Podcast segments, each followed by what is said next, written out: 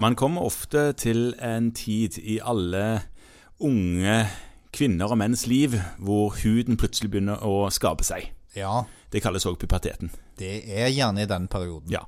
Og da er det jo mye kviser og sånt det går i. Iallfall Ja. er det en klassiker. Ja. Eh, Men her om dagen så hadde jeg altså en ung eh, kvinne i starten av tenårene Ja. som altså hadde fått en sånn rødmussete, småkvisete eh, Hva skal jeg si Dermatittaktig utslett rundt nesevingene, liksom. Og da tenkte du lupus. Nei, ja, nei jeg, te jeg tenkte ikke det først. Men jeg tenkte jo, jeg tenkte jo alt, alle de tingene som man pleier å tenke. At dette kunne være bare en litt sånn Var kunne det være, Litt sånn fettete, eller sånn At det kunne være noe seboreiske ja, greier, for den typen eksempel. ting, ja. Og Og så- gjorde du da? Ga kortison? Så prøvde jeg, da. Ja. Det, det, er jo, det er jo Altså, man havner jo mange ganger der, da. Ja. I alle fall de svake kortisonene. Ja. Så kunne en jo prøvd ja, andre legemidler som fungerer bedre i ansiktet og nær øynene. Hvis Det er det, noen sånne immunmodulerende midler, Ja, ikke sant? Sånn, ja. Men akkurat i dette tilfellet så havna jeg altså på vanlig hydrokortisonsalve. Ja. Eller jeg lurer faktisk på om jeg gikk opp på gruppe to, jeg. ja. Det skal jeg ikke si for sikkert. Hjalp det?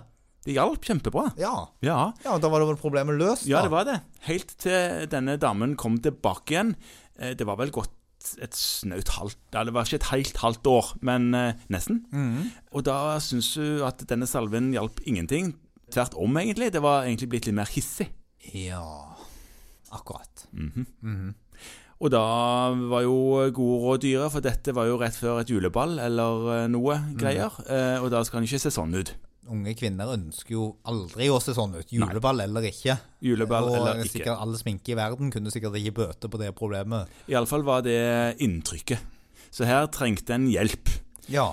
Så da spurte jeg om hjelp, egentlig. Fordi eh, en illsint eh, 15-åring skal han eh, passe seg for. De fleste som har barn, vet det. Mm, mm. Kan du tenke deg hva det var? Det var, eh, Som et hint så var dette altså rundt nesen. Altså, siden du nå har sagt at det ikke er et seboe, som da egentlig burde blitt ordent med dette klasse 1-2-steroidet ditt, så kan det være at du har fått beskjed om noen av de litt mer sjeldne sykdommene. Ja, jeg, jeg hadde ikke hørt om det før, faktisk. Nei, paranasalt eritem, kanskje? Paranasalt eritem, ja. Ja. Nøyaktig det. Det er jo litt sånn deskriptiv diagnose, og hvis man går og prøver å lese på den, så finner man ikke mye. Nei, Nei. Det, det meste infoen jeg har om det, jeg fikk jeg egentlig fra hudlegen jeg konfererte. Og med fare for å erte på oss alle hudleger i hele landet, så er det vel litt sånn at den diagnosen, sånn som jeg har klart å lese meg til, i hvert fall faller litt inn under en del av disse andre diagnosene, altså den periorale dermatitten, Ja.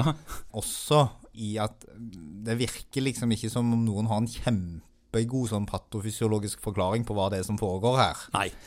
Men at det i hvert fall er sånn at steroider er relativt kontraindisert. Ja. Iallfall over tid. Ja, og, og det som hjelper ser ut til å være, er er disse berømte tetrasyklinene, da.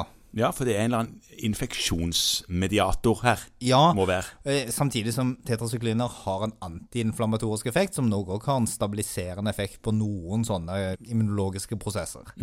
Og jeg tenker at det viktigste budskapet kanskje etter dette her skal være ikke at alle våre kolleger går rundt og ser etter paranasalt eritem på høylys dag, men det er denne lille meldingen man skal gi til pasienten på vei ut med en sånn virtuelt flyvende resept på kortison til apoteket. Så er det denne meldingen om at hvis det nå blir verre, så ikke la det gå seks måneder før du kommer tilbake igjen. Nei. Spør heller om det er andre triks i ludo her. Ja, eh, og ha litt åpent at det som kanskje ser ut som et eksem, ikke nødvendigvis er det. fordi jeg kan ikke se at du gjorde så mye galt i starten av sykehistorien din her. Nei.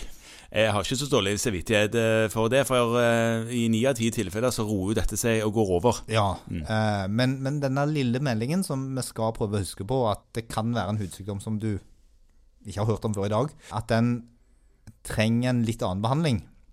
Og informere pasientene grundig om dette når du sender dem av gårde. At hvis det på en måte blir bra, men så blir det verre igjen, og dette ikke funker, så ikke gå seks, åtte, ni måneder og tenk på hvor dårlig han legen din er. Nei. Men gå ned til han og si at kan, kan det være noe annet, doktor? Ja.